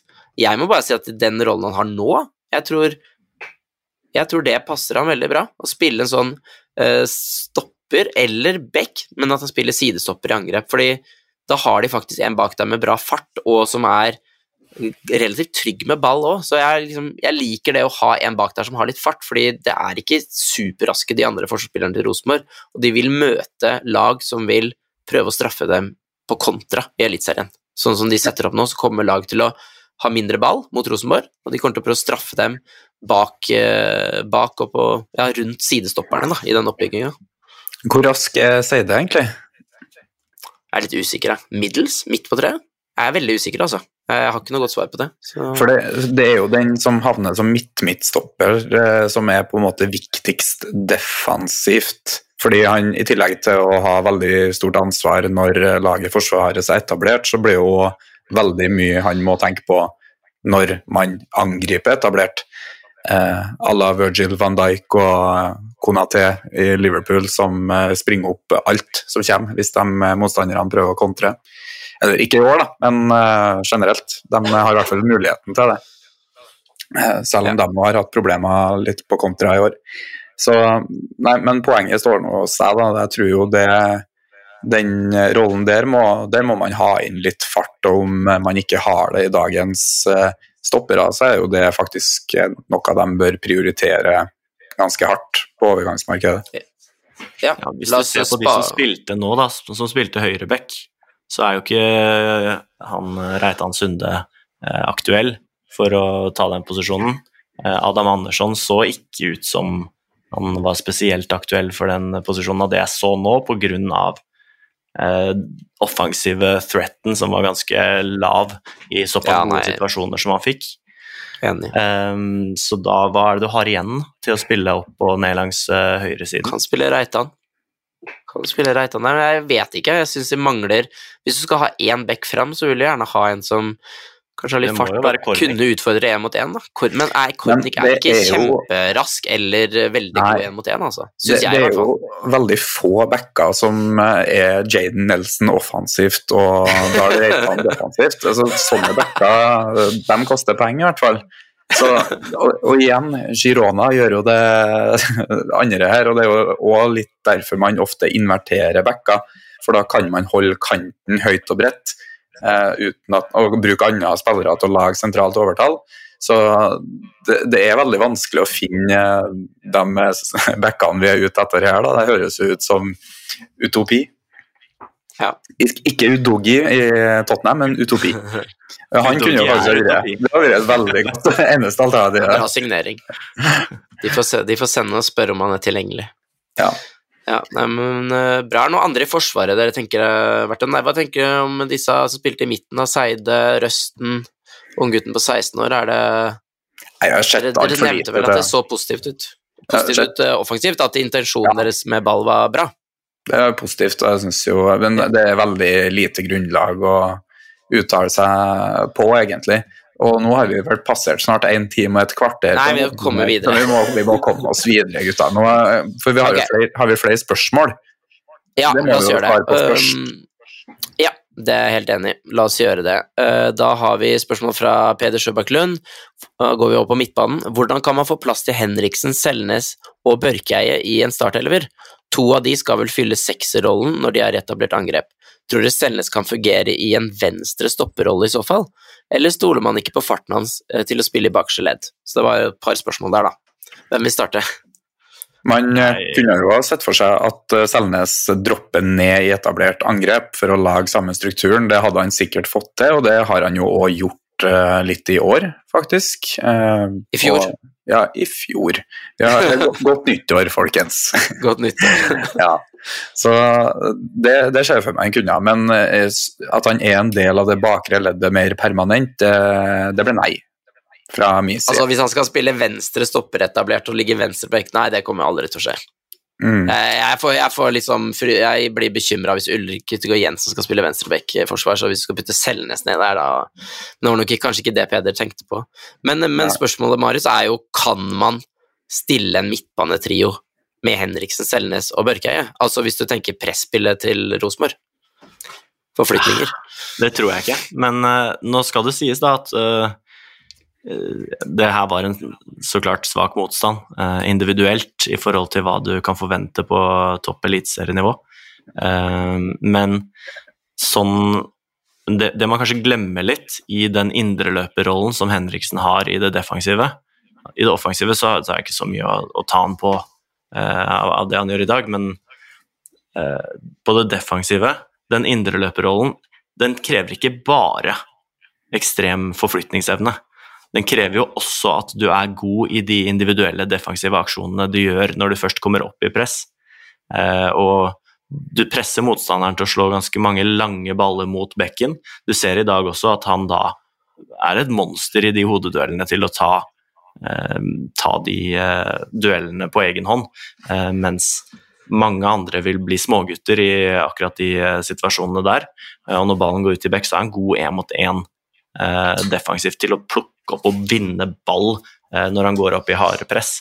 Så det er ikke sånn at eh, han absolutt må være verdens raskeste for å spille i den rollen, hvis han bare gjør vinklene sine riktig og han klarer å vinne duellene sine. Nå skyter inn her, Anders, eller skal vi gå på neste spørsmål?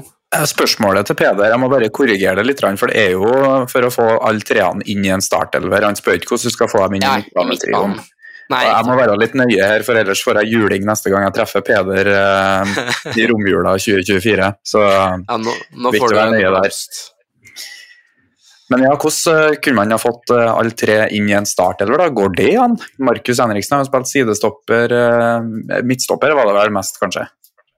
Ja, han spilte midterste, ja. Ja, midterste, ja. Stemmer. Riktig. Det virker som langt siden. nå. gå inn i den sentralstopperen der. Det føles det lenge, lenge siden. Føles ut som det er evigheter siden, vet du. Ja, det er nå eventuelt det å ha Børke på en indreløper, men jeg tror ikke det er en optimal løsning, rett og slett. Jeg tror, jeg tror laget ber uten at man har de treene inn samtidig, da, per nå. Mm. Det kan jo bli tema hvis Nypan plutselig blir solgt, så, men da er det jo Venin eller eh, Broholm kan jo kanskje bli flytta inn i en sånn indreløperrolle potensielt. Jeg vet ikke om han er bra nok eh, det defensive og sånn, om han kan bli en god Jeg tenker at han kan bli en bra indreløper i systemet. Han har i hvert fall han har i hvert fall ferdigheten å kunne ligge i mellomrom der og vende opp. Jeg syns det var veldig spennende å se han i dag. Altså, han bomma litt på noen pasninger og litt timing og sånn, men altså Han vender jo opp på femøringen og kvikk, så jeg, jeg liker å se han i de posisjonene han var i dag, altså. I den høyre indreløperlomma som han kommer inn i fra høyrekant. Det er vel ingenting feil med den posisjonen han får i dag. Både offensivt Nei, og defensivt så passer det jo han som hånd i hanske. Ja, virkelig. Så det at Fredriksen er ute, er jo kjempemulighet for han til å vise seg fram nå. Så veldig positivt. Uh, skal vi se vi, Skal vi se på neste spørsmål Vi har uh, Skal vi se Vi har egentlig svart på dette med, med å flytte sidebekkene litt forskjellig, forskjellig side. Så spørsmål fra A der. Reitan fikk vi fra Henrik Rogstad, den har vi svart på. Um, nei, skal vi ta det nerdespørsmålet fra vår uh, hva skal vi si, venn av podkasten, Magnus Leo Leonardsen? Og det, er jo litt, det har, vi snakka om, så vi får svare kort på det, men han har ikke sett kampen i dag, uh, og uh, lurer på stoppernes vilje til å oppsøke slash lokke frem nærhet fra første forsvarslinje synes å være en stor forskjell i det etablerte angrepet, fra eh, eksempelvis FCK. Rosenborg spiller fremdeles ballen fra seg veldig tidlig. For en som ikke så kampen, hvor synlig var endringen i Rosenborg sitt spill totalt sett? Så kan du bruke noen enkle eh, folkelige ord til å forklare svaret på det her, da. Veldig synlig. Bra. Veldig synlig, det er kjempefolkelig. Ja, det, det er her, så vi, her, så vi, her så vi en stor forskjell. Her så vi spillere som prøvde å, Ja. å, å, å få motstandere tett på seg, slik at de kunne spille ballen videre til en spiller som får bedre vilkår. Ja. Magnus er jo en som uh, har uh, virkelig hørt på oss mye og kan veldig mye sjøl så jeg ser for meg han forventer litt uh, mer enn Ja, litt folkelige svar der. Så Ja. du har jo både en mye større villighet til å ta på seg press og sånn, men mange andre tendenser i det samme også, som er en del bedre enn det har vært før. altså Kroppsstillinga, altså det er mer innover mot det sentrale overtallet fra f.eks. sidestopperne. Eh, sirkuleringa bakerst. altså Man spiller ikke unødvendig ut til det bredeste punktet og gir, altså sånn til kanten og gir vekk pressøyeblikk eh, tidlig. Man bearbeider heller eh, innover og bakover og til innad i de fem bakerste pluss keeper. da eh, for å ikke gi vekk unødvendig pressøyeblikk bredt, og for å hele tida kunne eh, vende spillet tidlig og mellom halfspace og halfspace og kunne finne en ledig spiller i bedre posisjoner enn man har sett før. da. Så jeg, jeg vil jo si at eh, og Vi var jo inne på her med rytmen. eh, Det er oftere på, ofte på to touch eller flere. Veldig sjelden at de spiller masse på én touch, med mindre rommene blir veldig små. Så de bruker jo Det, det er et stort fokus på det å kontrollere eh, spillet, eller å ha et kontrollert pasningsspill. At Det er veldig tålmodig og ja eh, rolig av seg, egentlig. Og I hvert fall frem til de har den gjennombruddsmuligheten. Så jeg, syns jo de venter ofte passe lenge før de spiller fra seg ballen. Det er jo også dumt å vente eller ta på seg for mye press, eh, særlig hvis du blir låst ut mot en side som en sidestopper der. Men um, ja, nei, det, det var i mange situasjoner jeg mener at det er fornuftig avstand til den første forsvarslinja som møter deg, da, før de spiller gjennom. De får jo ofte spilt fri sentralene før de spiller fri mellomromsspillerne, altså inn til Selnes først, eh, før de finner eh, Bjørlo. Som de gjør, jeg tror det er tre helt like situasjoner i andre omgang, der han bare hamrer den videre i mellomrom, og det er jo et godt tegn.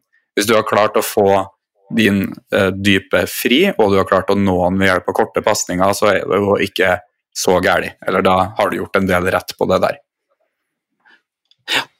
Da tenker jeg at vi tar noen av de spørsmålene som kom litt på sånn type overganger og, og sånn, så vi har to spørsmål om, og så snakker vi bare litt om hva dere er spent på, hva vi er spente på å se i de neste kampene.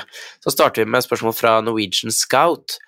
Hvilke kvaliteter bør Rosenborg se etter i de ulike posisjonene på overgangsmarkedet? Og da kan vi jo ta der, der man tenker kanskje at det kan være mest hensiktsfullt å få inn noen, da. Og hvilke ferdigheter ser vi til? Er det litt i sto en hurtig stopper som vi snakka om i stad, eller er det andre ting dere tenker kan være nytt, veldig nyttig, da? Nå har ikke Rosenborg en million Eller en million har de kanskje, men de har ikke 100 millioner å bruke eh, før de har solgt Nypan, i hvert fall.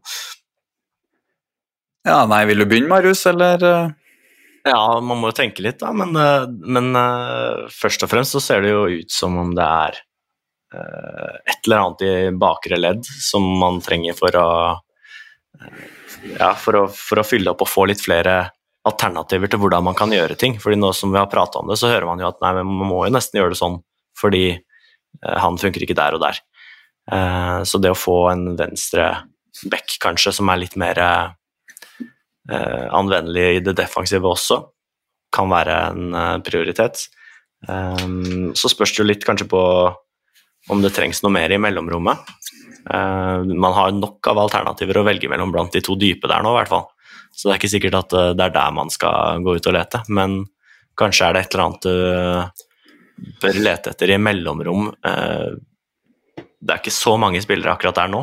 Du har Nypan, du har Broholm og Fredriksen som kan komme inn. Mm. Er det flere? Som du Nei, nå skar seg borte, så det er jo Skikkelig mellomromsspiller.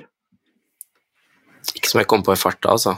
Skarsheim kunne kanskje ha fungert der, så det kunne vært en idé å sette om de finner noe spennende der. Du trenger en Eller, mellomromsspiller som eh, er god på små flater. Da. Det er jo en ja. stil som er ofte basert på kombinasjonsspill og det å tråkle seg gjennom sentralt der, helst. Og da er det jo det man er ute etter, og vi har jo vært innom han Fredriksen som en potensiell kandidat der tror også det kan være kjekt å ha folk med både skuddbein og målpoeng og eh, litt sånne ting, men det, det, viktigste er jo at de er gode til å bare ta imot ballen og eh, avansere videre på kort, eh, korte tidsrom, eh, altså, eller veldig små tidsåpninger, kan du si, der de må bare få kommet seg videre. Eh, og så er det det her med gjennombruddskraft på høyresida som jeg tenker på at mangler litt. Eh, Kornik eh, er jo, er jo back og kommer jo flittig oppover. Jeg vet ikke om, han, om, det er bra nok til at man får mest mulig ut av det strukturen han har, da, Johansson har på Rosenborg-laget nå, kontra det å ha en veldig rask høyrekant eller en back, som du sa i stad, Dagfinn. Så der òg er det kanskje noe å hente. Ja, jeg støtter det. Hva med stoppere? Sånn eh, kan ikke, altså jeg har noe Jeg tenkte, jeg kom, fikk noen navn i hodet nå, vet jeg er ikke sikker hvor realistisk det er, men det er for å kanskje tenke litt mer på sånn type profil. Eh, det er jo en uh, Tromsø-spiller som Eller en som spilte i Tromsø før, som vi så, Marius, som er i fryseboksen i, i, i Sverige. August Mikkelsen. Han kunne fungert en sånn Eh, dobbel tier-posisjon, kunne han ikke det? At han er inn på den ene kanten, men trekker inn. Så kan vende opp på veldig små flater, ta på seg press, godt langskudd osv. Er det en sånn type profil kunne ha passa, eller er han for Altså, han er jo nesten angrepsspiller, si, men er det, er det en sånn type spiller? Kunne det passa? Ja, eventuelt en som kan ta over for Nypan hvis han eventuelt blir solgt eller, eh, eller eh, skader seg. For det er jo, det er jo ja. kanskje den midtbanetieren som er den man mangler. Den som også kan ha en, en defensiv impact, eh, som er en del av midtbanetrioen i eh, forsvar. Ja. Så det kan være at det er den du Du har Broholm, du har Fredriksen eh, til å ta den innover-delen eh, på høyresida. Eh, mm. Kanskje, kanskje trengs det enda en profil som kan gjøre det fra venstresida, f.eks. Si en høyrefot. Nei, men idreløper høres logisk ut. Men, Erstatte eh, Skarsheim, eh, på en måte. Altså, de fikk jo noe penger der. Hente en indreløper som kan være oppe i mellomrommet og er god i de små rommene, og kan vende opp. Det høres veldig interessant ut. Og så snakka vi om en venstre stopper som er litt sånn fleksibel, og da Nå er det vel ikke så aktuelt, men han Fredriksen Fredrik Christensen Dahl, som har spilt i Koffa Nei, jo, Koffa, og nå er i Godset, han er jo sånn type eh, kan spille, kan spille venstre wingback, men han kan spille venstre back, og aller best som venstre stopper i et femback-system. Han hadde fungert optimalt i en sånn, tror jeg, da, i en sånn rolle der han kanskje er venstreback defensivt, men venstre stopper offensivt, fordi han er, han er så allsidig, han har liksom ikke noen klare svakheter, så jeg ville ikke vært bekymra for at han må dekke mye bakrom eller én mot én. Så en sånn type profil som er litt sånn allsidig allrounder og, og, bra defensivt, da. Det er en sånn type spiller jeg kunne gjerne sett for meg i Rosenborg i den rollen. Absolutt. Ja. På høyresida har jeg ikke noe gode forslag sånn på farta. Nå har jeg, har jeg ikke tenkt på det før dere snakka om det nå, men uh, det blir spennende å se om de plukker opp et eller annet. Altså, fordi det hadde vært gøy med sånn skikkelig gjennombruddshissig høyre bekk som er høyt i banen der, som kan skape litt uh, farligheter. Å få stikkere inn fra disse tierne inn i bakrom, og, og, kanskje til og med, om man ikke er en rå altså Kunne være en ok dribler da, i tillegg. Jeg skjønner at man ikke får, får en enorm dribler der. Eh, da, da, er den dårlig på et eller annet, eller veldig mye annet. Men eh, det hadde vært kjempespennende, så det, nok, det blir spennende å se hva Dorosino og gjengen kommer fram til. For jeg tror ikke det blir veldig mange signeringer i Rosenborg nå. Det er jo kutting i ansatte, og det er kutting i styret fra tolv til åtte eller noe sånt. Så det er, det er liksom kutting over en lav sko. Så Men klarer de å finne én eller to smarte signeringer innenfor deres budsjett, som, så kan det være interessant. Jeg, jeg tenker skikkelig lang det, her, det er nok veldig urealistisk, men Marius Lode han er helt, han er femtevalget i Bodø-Glimt akkurat nå, kommer tilbake i sommer, har ikke sett ut som seg selv, men hvis han har mulighet til å finne tilbake til seg selv, og Glimt fortsatt ikke bruker han, så hadde jo han vært helt Altså, han anno 2020, det er jo noe av det bedre vi har sett i Eliteserien som spillende stopper for et lag som skal stå høyt og presse. Altså, da har du ballferdigheter med begge bein, du kan dra av spillere, du har enorm fart i tillegg. Så det er kanskje ikke en sånn Det er ikke en spiller du henter for å tenke videresalg og bygge økonomi, men det er jo en som vil styrke laget hvis han kommer tilbake i 85% av det han var i 2020. Så har han sikkert høy lønn i, Glimt, da, så det er kanskje ikke så realistisk. Men eh, det var en sånn, sånn type profil hadde vært kjempespennende, da. Eller sånn Seri Larsen som du ser i Brann, sånn type spiller. Han er jo mye bedre enn de stopperne til Rosenborg, etter min mening. I hvert fall sånn Ja, mye av de stopperne Rosenborg har hatt nå i det siste, er vel, er vel kjøpt for en uh, profil som skal spille på en uh, helt annen måte. Uh, Ja. Så det, det, det er klart at det, det, det tar nok litt tid å få omrullert den troppen her til noe som skal være eksakt sånn som Alfred vil ha det. Men jeg tror det her blir skikkelig bra etter hvert. Man må bare gi det litt tid, og den settinga han har kommet inn i nå, så tror jeg Jeg syns ikke folk skal liksom være så jækla skuffa hvis Rosenborg ender på sjetteplass. Og femte-sjetteplass, det syns jeg er Så Molde-Rosenborg, nei, Molde og Glimt kom, og Brann er bedre lag. Og de kommer sikkert til å mest sannsynlig være bedre i år også.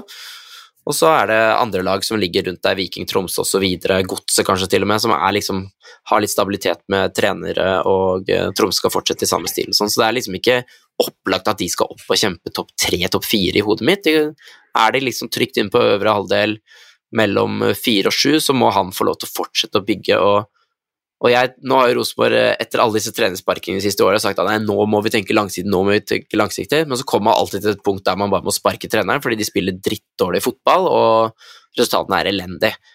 Men nå føler jeg, med den strategiplanen som er lagd, og at Dorsin har faktisk fått inn en trener som han har lyst på, ordentlig jeg, jeg kjøper ikke at han hadde lyst på Rekdal, og han, han føya seg rekkene. Det er min teori der.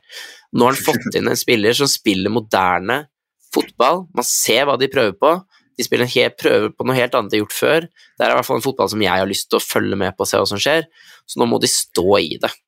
Det er det jeg håper på. Og så, Jeg håper virkelig at, han, at de ikke begynner å murre fordi at de bygger opp i en treer, og at de ikke kommer på kjemper direkte om medalje om når det er fem serierunder igjen, altså. Fordi de må se hvor langt bak Rosenborg er bak Glimt og Molde akkurat nå. Det er langt bak, altså. Sånn akkurat nå. Så kan ting snu fort i fotball. Man ser hvor fort det gikk på to år med Brann, men man kan ikke forvente at det går kjempe, kjempefort når du ikke har midler til å hente spillere engang heller. Hva tenker dere om det? Hva, hva, hva ser dere for dere framover, hvis man skal begynne å tenke eh, utviklingen, og hva kan Rosenborg-fansen håpe på å se framover? Det er- Ja. Jeg syns det hørtes ut som en veldig fin avsluttende monolog, jeg, Dagfinn, hvor du, hvor du var innom eh, Jeg dekka alt, det var ikke noe vits å spørre dere.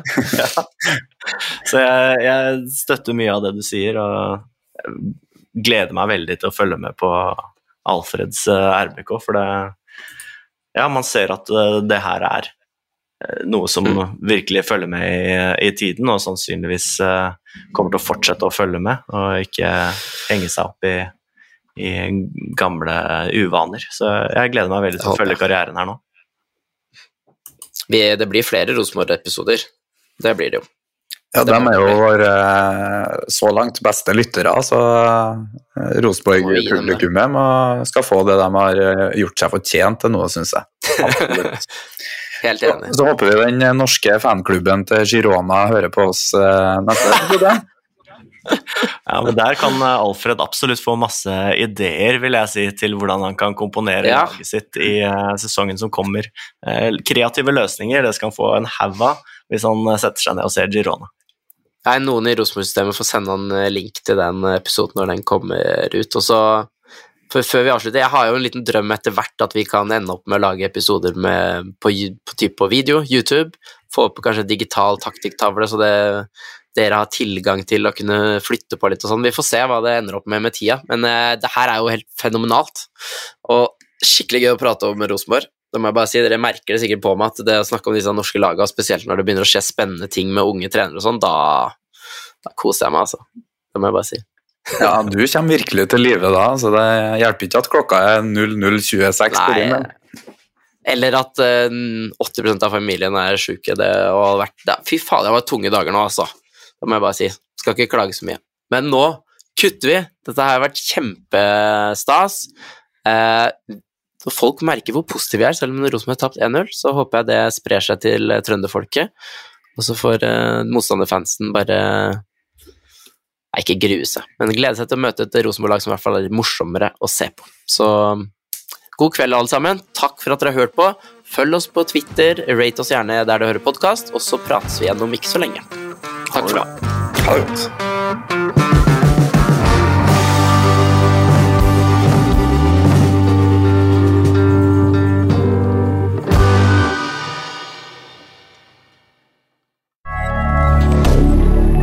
Moderne media. Ukens annonsør er HelloFresh. HelloFresh er verdens ledende matkasseleverandør og kan være redningen i en travel hverdag. Mange av oss har nok vandret i butikken både sultne og uten en plan for middagen, som ender med at vi går for de samme kjedelige rettene gang på gang. Middag burde være dagens høydepunkt. Som HelloFresh kan du nå velge mellom 25 ulike retter hver eneste uke, eller få HelloFresh til å sette sammen menyen for deg. Dette gir deg muligheten til å prøve nye og spennende retter alene eller sammen med familien. Du velger antall porsjoner og får alt levert på døren på et tidspunkt som passer for deg. Oppskriftene er enkle, og maten er lett å lage både for store og for små. Ved å få alt levert hjem får du også mer tid til å dele matgleden med familie og venner. Kanskje det frister med asiatiske tacos eller greskinspirert kylling? Da kan jeg anbefale deg om å gå inn på hellofresh.no. Her kan du bruke koden FOTBALL og få opptil 1779 kroner i rabatt på de første fem matkastene hvis du ikke har prøvd HelloFresh tidligere. Du kan også bruke rabatten hvis du har vært kunde og stoppet abonnementet ditt for tolv måneder siden eller lengre. Gå inn på hellofresh.no og bruk koden FOTBALL.